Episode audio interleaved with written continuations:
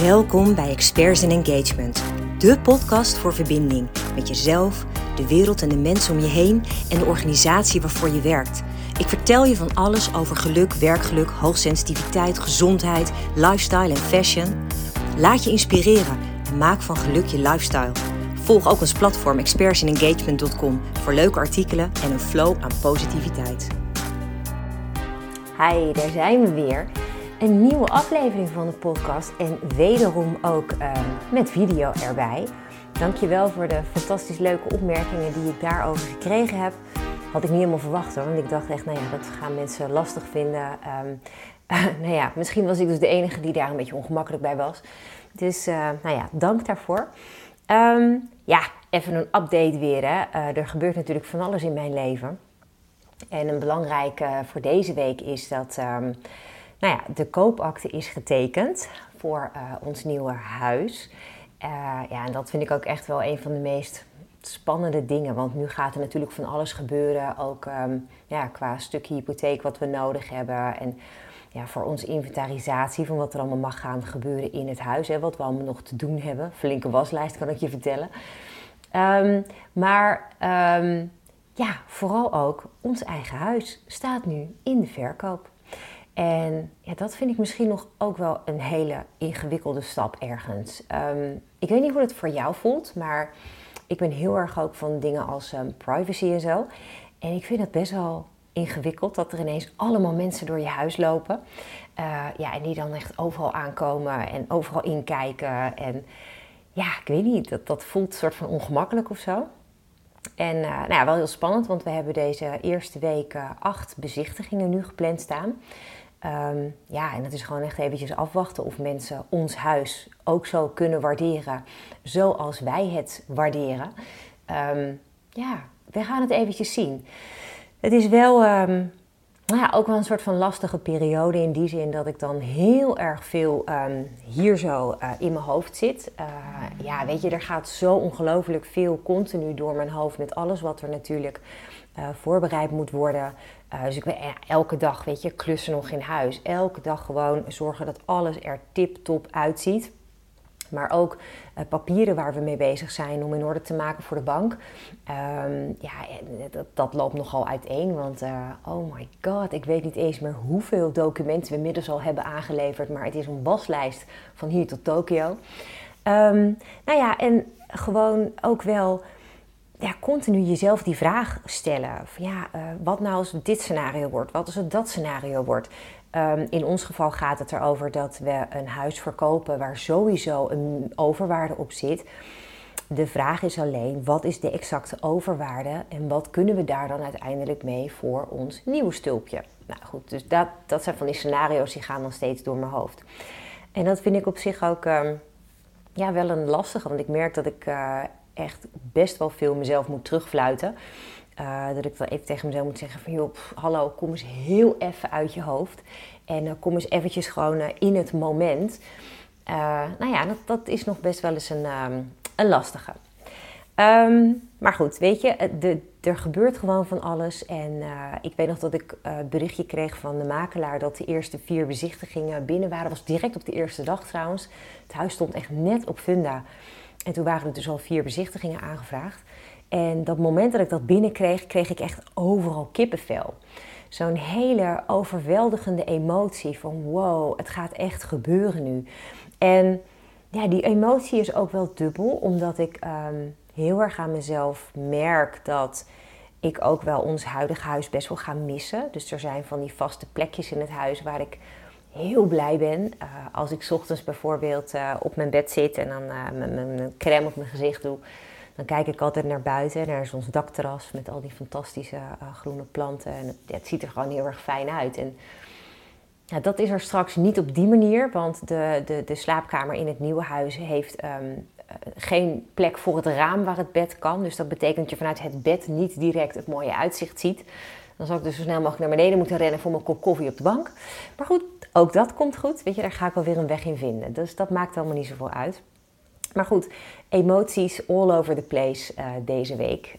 Um, en daar kwam een interessant um, onderwerp eigenlijk voorbij. waarvan ik dacht, hé, hey, maar dat is misschien ook wel eens een hele mooie om, om nou ja, in een podcastaflevering te bespreken. En dat gaat er heel erg over, wat doe je nou met emoties die je ervaart? En wat ik weet van heel veel mensen, is dat we emoties heel makkelijk bijvoorbeeld uh, kunnen wegstoppen.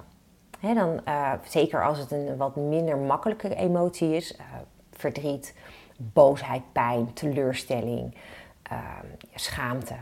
Het zijn allemaal van die dingen die we het liefst gewoon wegstoppen. dan, dan is het er niet. Um, maar het, het wonderlijke aan het hele verhaal is dat als je emoties wegstopt, je letterlijk dingen gaat blokkeren. Wat ga je blokkeren? Energie. En als je dat lang genoeg doet, dan ga je dat voelen in je lichaam. Nou, dat is eigenlijk waar ik het ook vandaag over hebben. Gewoon dat bewustzijn. Dat je beseft ehm, wat emotie is, wat het doet ehm, en wat er dus ook gebeurt als je er niet naar luistert. En nou, in het, in het Engels zeggen ze altijd emotion is energy in motion. Dus energie in beweging.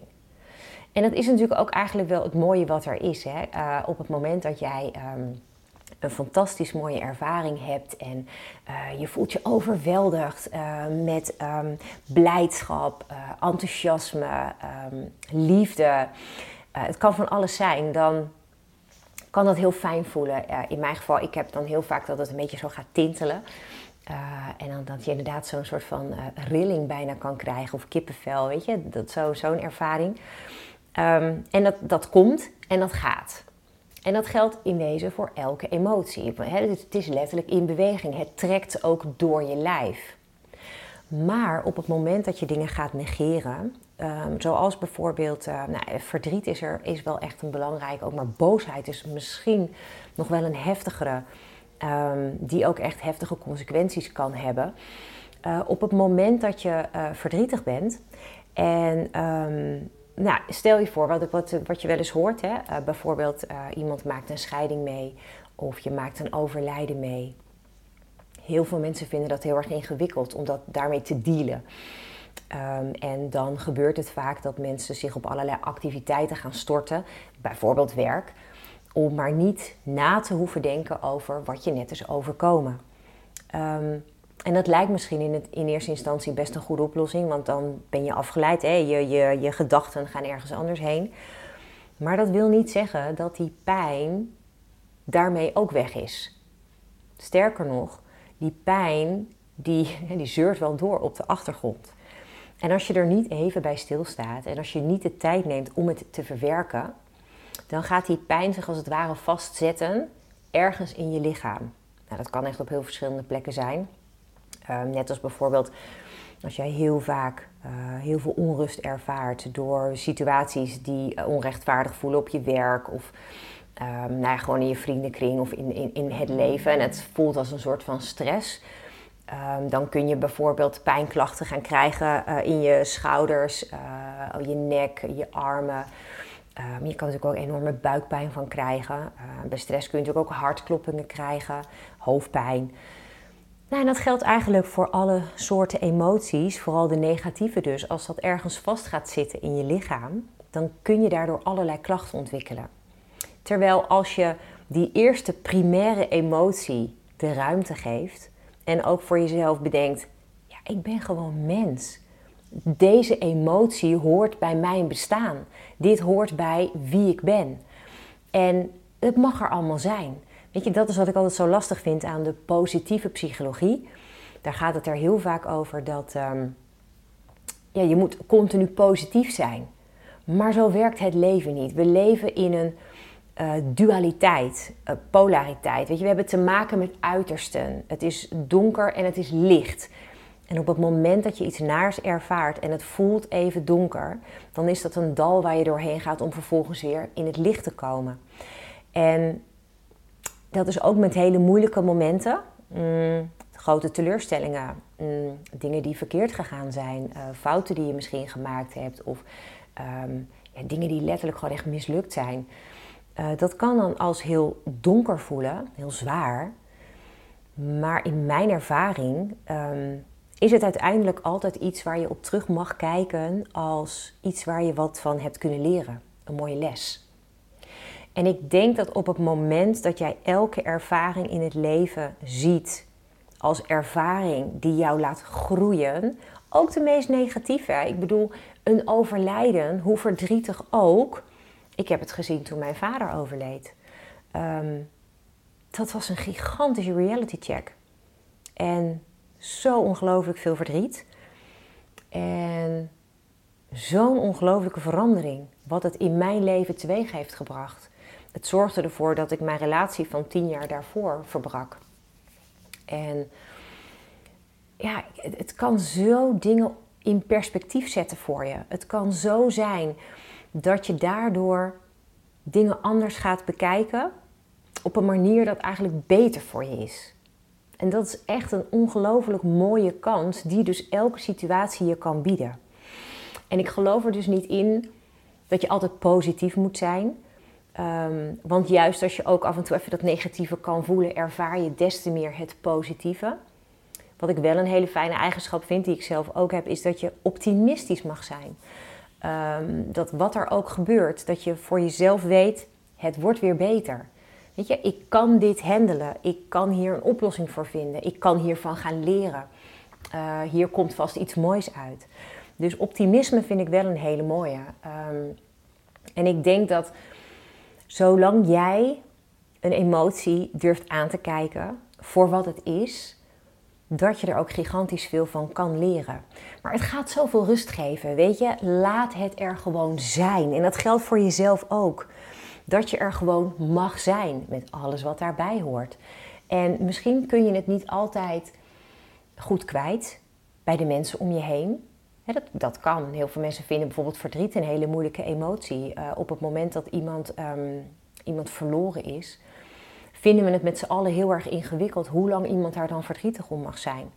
Uh, en er zitten een soort van maatschappelijke oordelen op uh, dat je na een bepaalde periode maar weer gewoon mee moet kunnen in de waan van alle dag. Um, en ja, weet je, ik denk dat dat gewoon voor elke persoon anders is. Dat is heel persoonlijk. Um, en dat mag ook van jou zijn. Als jij langer de tijd nodig hebt om iets uh, te verwerken en je hebt daar volledig eigen manier voor, prima toch? Ik bedoel, dat is toch wat het mag zijn. Um, als je maar niet jezelf laat verdrinken in verdriet of in boosheid. Ze hebben wel eens uh, gezegd, nou, ik, je, je hebt misschien wel eens eerder begrepen van mij, ik volg, eh, volgde, ja, moet je dat zeggen, volg uh, Louise Hay. Zij leeft inmiddels niet meer. Um, maar nou ja, zij heeft echt fantastisch mooie boeken geschreven. En zij heeft heel, heel, heel veel mensen mogen helpen. Zij heeft heel veel onderzoeken gevolgd ook uh, naar wat emoties kunnen doen, ook in je lichaam. En zij heeft zelf als geen ander ervaren wat emoties voor je kunnen doen. En zij heeft dus bijvoorbeeld ervaren dat een gigantische kwaadheid, een woede echt, vanuit haar jeugd ervoor zorgde dat ze kanker ontwikkelde. Daar is dus inmiddels heel veel onderzoek naar geweest.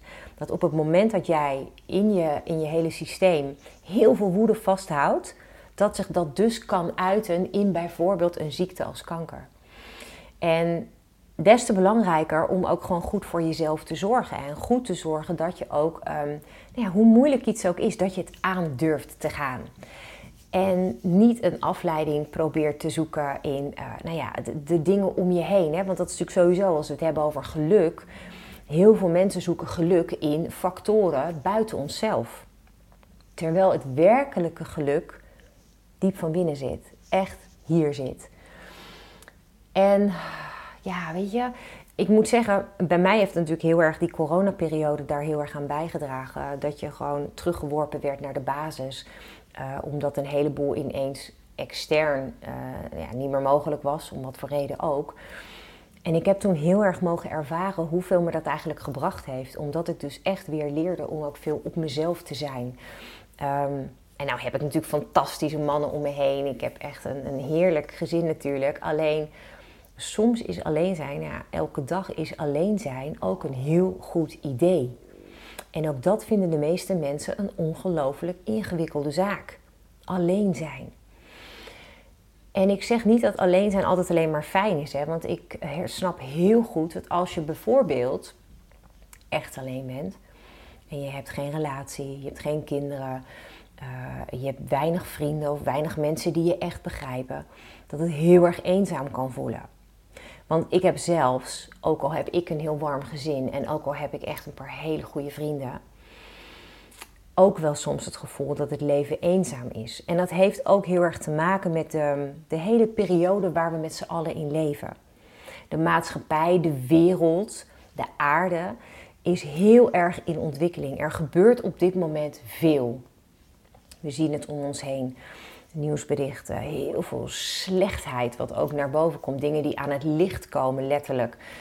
Ehm, en we noemen dat ook wel the Great Awakening. En dat betekent dat mensen gaan zien dat we in een systeem leven dat niet per se het allerbeste is voor ons zielsniveau.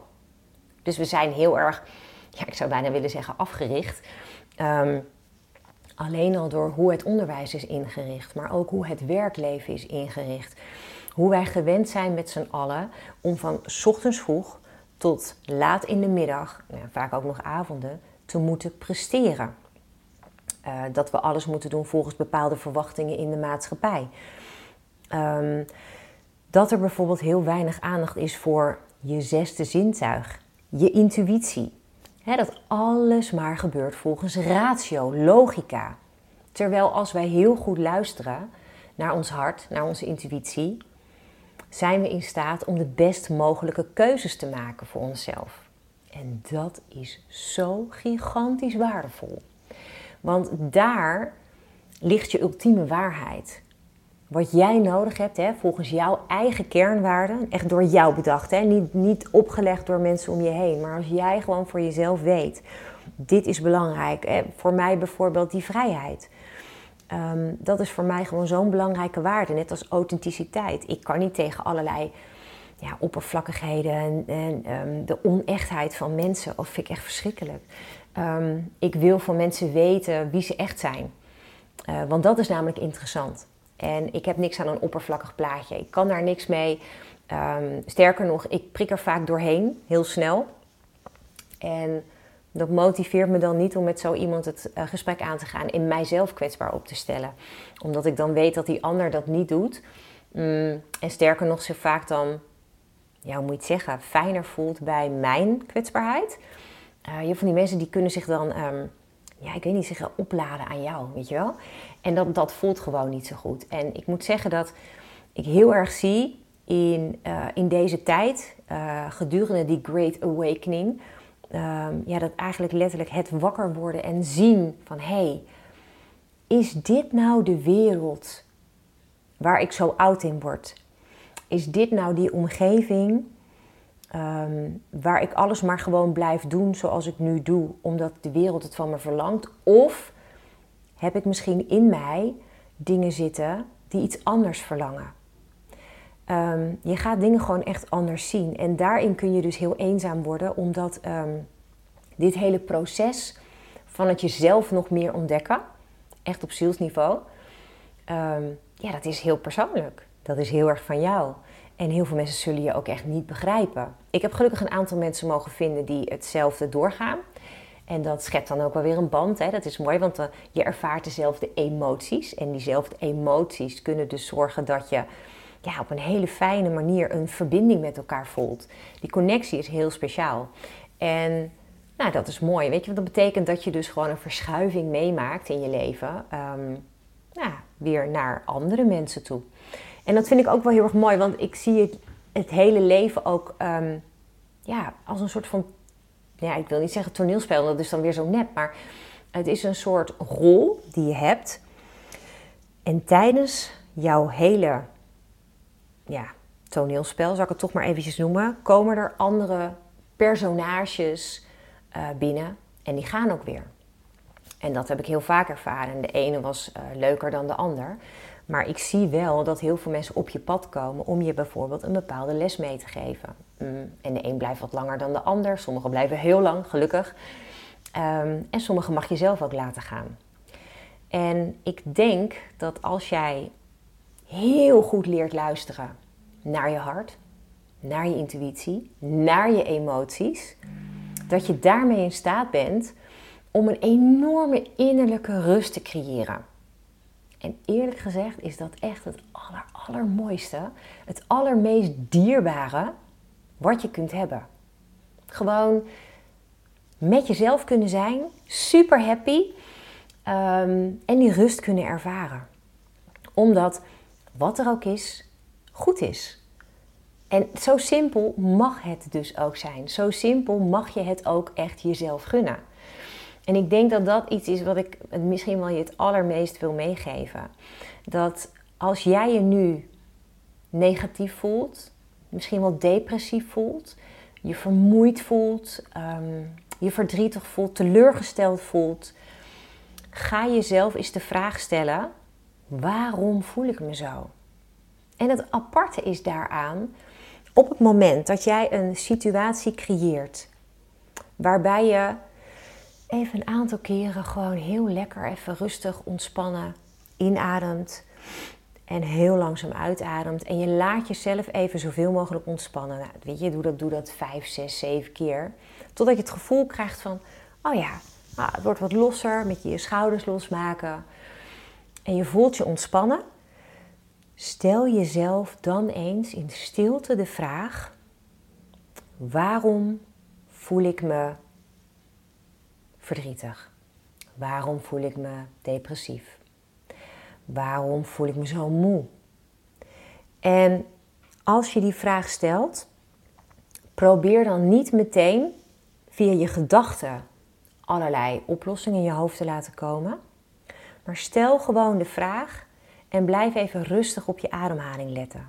Ga dus nooit je ademhaling een beetje tellen, want door te tellen zet je ook weer je gedachten een beetje nou ja, op een rustiger niveau. En op het moment dat je die vraag gesteld hebt, dan kan het zijn dat er ineens een ingeving komt, mm, dat je een bepaald gevoel krijgt, dat je een bepaald beeld misschien wel hebt. Het kan ook zijn dat er niet meteen wat komt. Ehm, het is namelijk heel vaak zo dat op het moment dat jij aan je, je, je, je innerlijke zelf een vraag stelt, dat het soms wat langer duurt voordat het antwoord dan komt. En het kan op heel veel verschillende manieren zijn. Het kan zijn dat je daarna met iemand praat die iets tegen jou zegt waarvan je denkt: wow, dat is gewoon het antwoord op mijn vraag. Dat kan. Het kan ook zijn dat je ergens um, langs rijdt en je leest ineens een tekst die ergens staat waarvan je denkt: huh?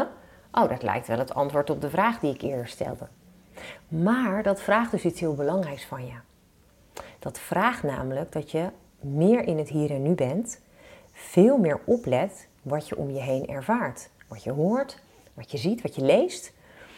Ehm, want daar zit namelijk je antwoord. En die is zo gigantisch belangrijk. We zijn zo gewend om de hele dag heen en weer te rennen.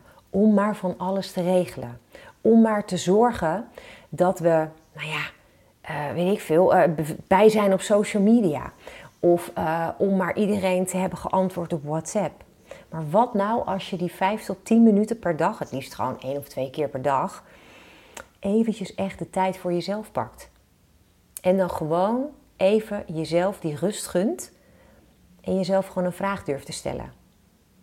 Of dat je bijvoorbeeld vraagt: Ik ben gestrest. Wat kan ik doen in deze situatie om me beter te voelen? Ook daarop kun je een antwoord krijgen. En dat antwoord kan zo simpel zijn. Dat antwoord kan gewoon zeggen: joh, stop even. Neem even een pauze. Haal even diep adem. Het kan van alles zijn. Maar je moet het wel durven horen. En ja, ik denk dat dat het meest belangrijk is. Dat is ook wel een uh, hele apart. Hè? We hadden een hele bijzondere ervaring deze week. Um, uh, Dennis, die uh, was verteld, hè, mijn man die staat voor de klas. Die heeft een groep 3. In zijn klas zit een heel lief meisje. En dat meisje komt al echt, inmiddels al maanden regelmatig heel verdrietig op school. Dennis heeft gesprekken met haar gehad en heeft ook gewoon gevraagd wat er aan de hand is, hè, waarom ze dan steeds zo, zo verdrietig is. Zij geeft aan dat ze steeds papa en mama mist. Um, hij is daarop nu uh, al een aantal keren het gesprek aangegaan, voornamelijk met moeder, Um, waaruit al heel snel bleek dat vader voor uh, minimaal vier dagen in de week in het buitenland zit voor werk. Waardoor hij dus ook vrij weinig contact heeft met de kinderen. Uh, moeder werkt ook nog drie dagen in de week en de kinderen zijn vier dagen in de week op de opvang. Um, nou ja, dat is een gegeven. Dat is gewoon hun gezinssituatie. Dennis die heeft uh, nou ja, de situatie uitgelegd zoals hij dat ervaart op school. Hè, en de dingen die dit kleine meisje aan hem verteld heeft. En heeft eigenlijk de ouders daarmee de ogen willen openen. Van joh, jouw kind is verdrietig. En daar kwam nog bij trouwens dat haar broertje hetzelfde heeft uh, bij een collega van Dennis. En die hadden al met elkaar gesproken god, zo opvallend. Heb jij dat ook gemerkt? Um, bepaalde dingen die naar voren komen steeds. En nou, dan is er dus een gesprek met moeder over geweest. Uh, waarbij moeder is een soort van gigantische Berlijnse muur om zich heen had. Um, en ja, dat heel erg ingewikkeld vond om te horen dat um, docenten dit zo ervaren bij, uh, bij haar kinderen.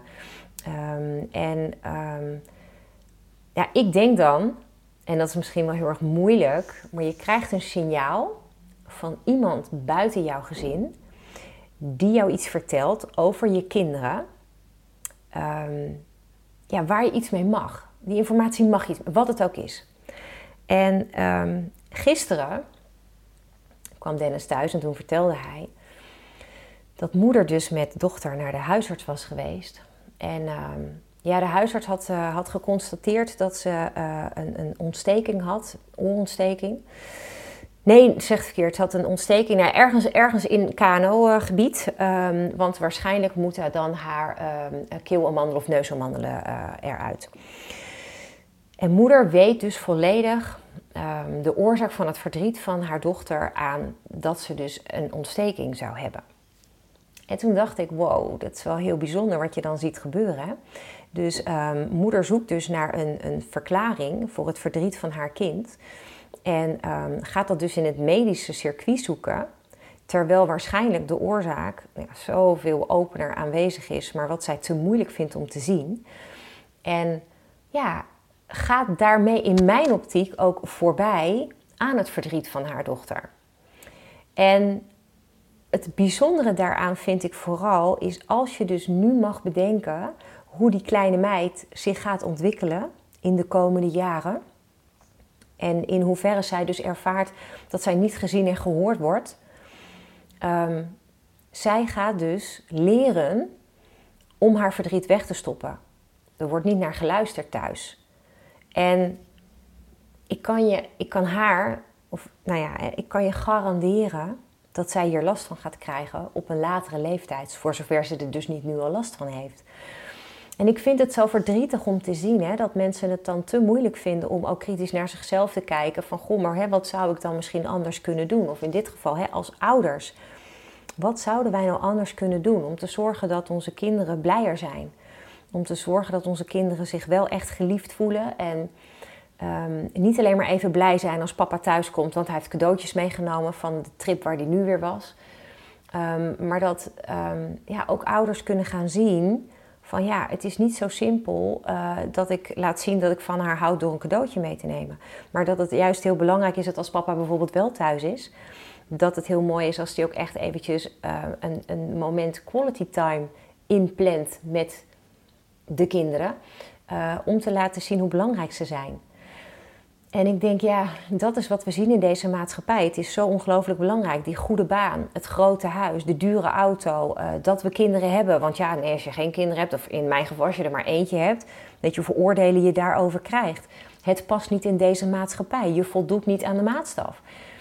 En ik blijf dat zo'n bijzonder gegeven vinden. Um, en dan denk ik, ja, weet je, um, dat geluk zit uiteindelijk echt daar. Hè?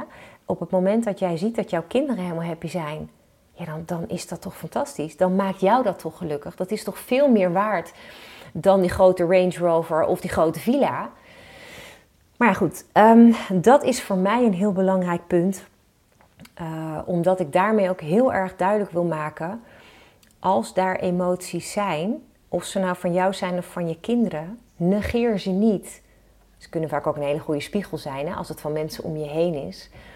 Luister gewoon eens. Durf eens open te staan voor de boodschap die binnenkomt. En kijk eens wat die boodschap jou wil vertellen, wat jij ervan mag leren. Want ik denk namelijk als we dat allemaal doen en we durven allemaal naar onszelf te kijken hoe we ons leven vervolgens kunnen verbeteren, dat het er allemaal zoveel mooier uit gaat zien. Zo simpel kan het zijn. Dus ik denk dat dat de eindconclusie is die ik vandaag uh, wil stellen in deze aflevering. Dat ik je heel erg wil meegeven dat je mag voelen welke emotie er bij jou aanwezig is. Wat is er ergens in je lijf, wat het ook mag zijn. En vraag jezelf eens af waarom die emotie er is. Wat het je wil vertellen. En kijk eens wat je daarmee kan doen. Sowieso weer te gek dat je erbij was.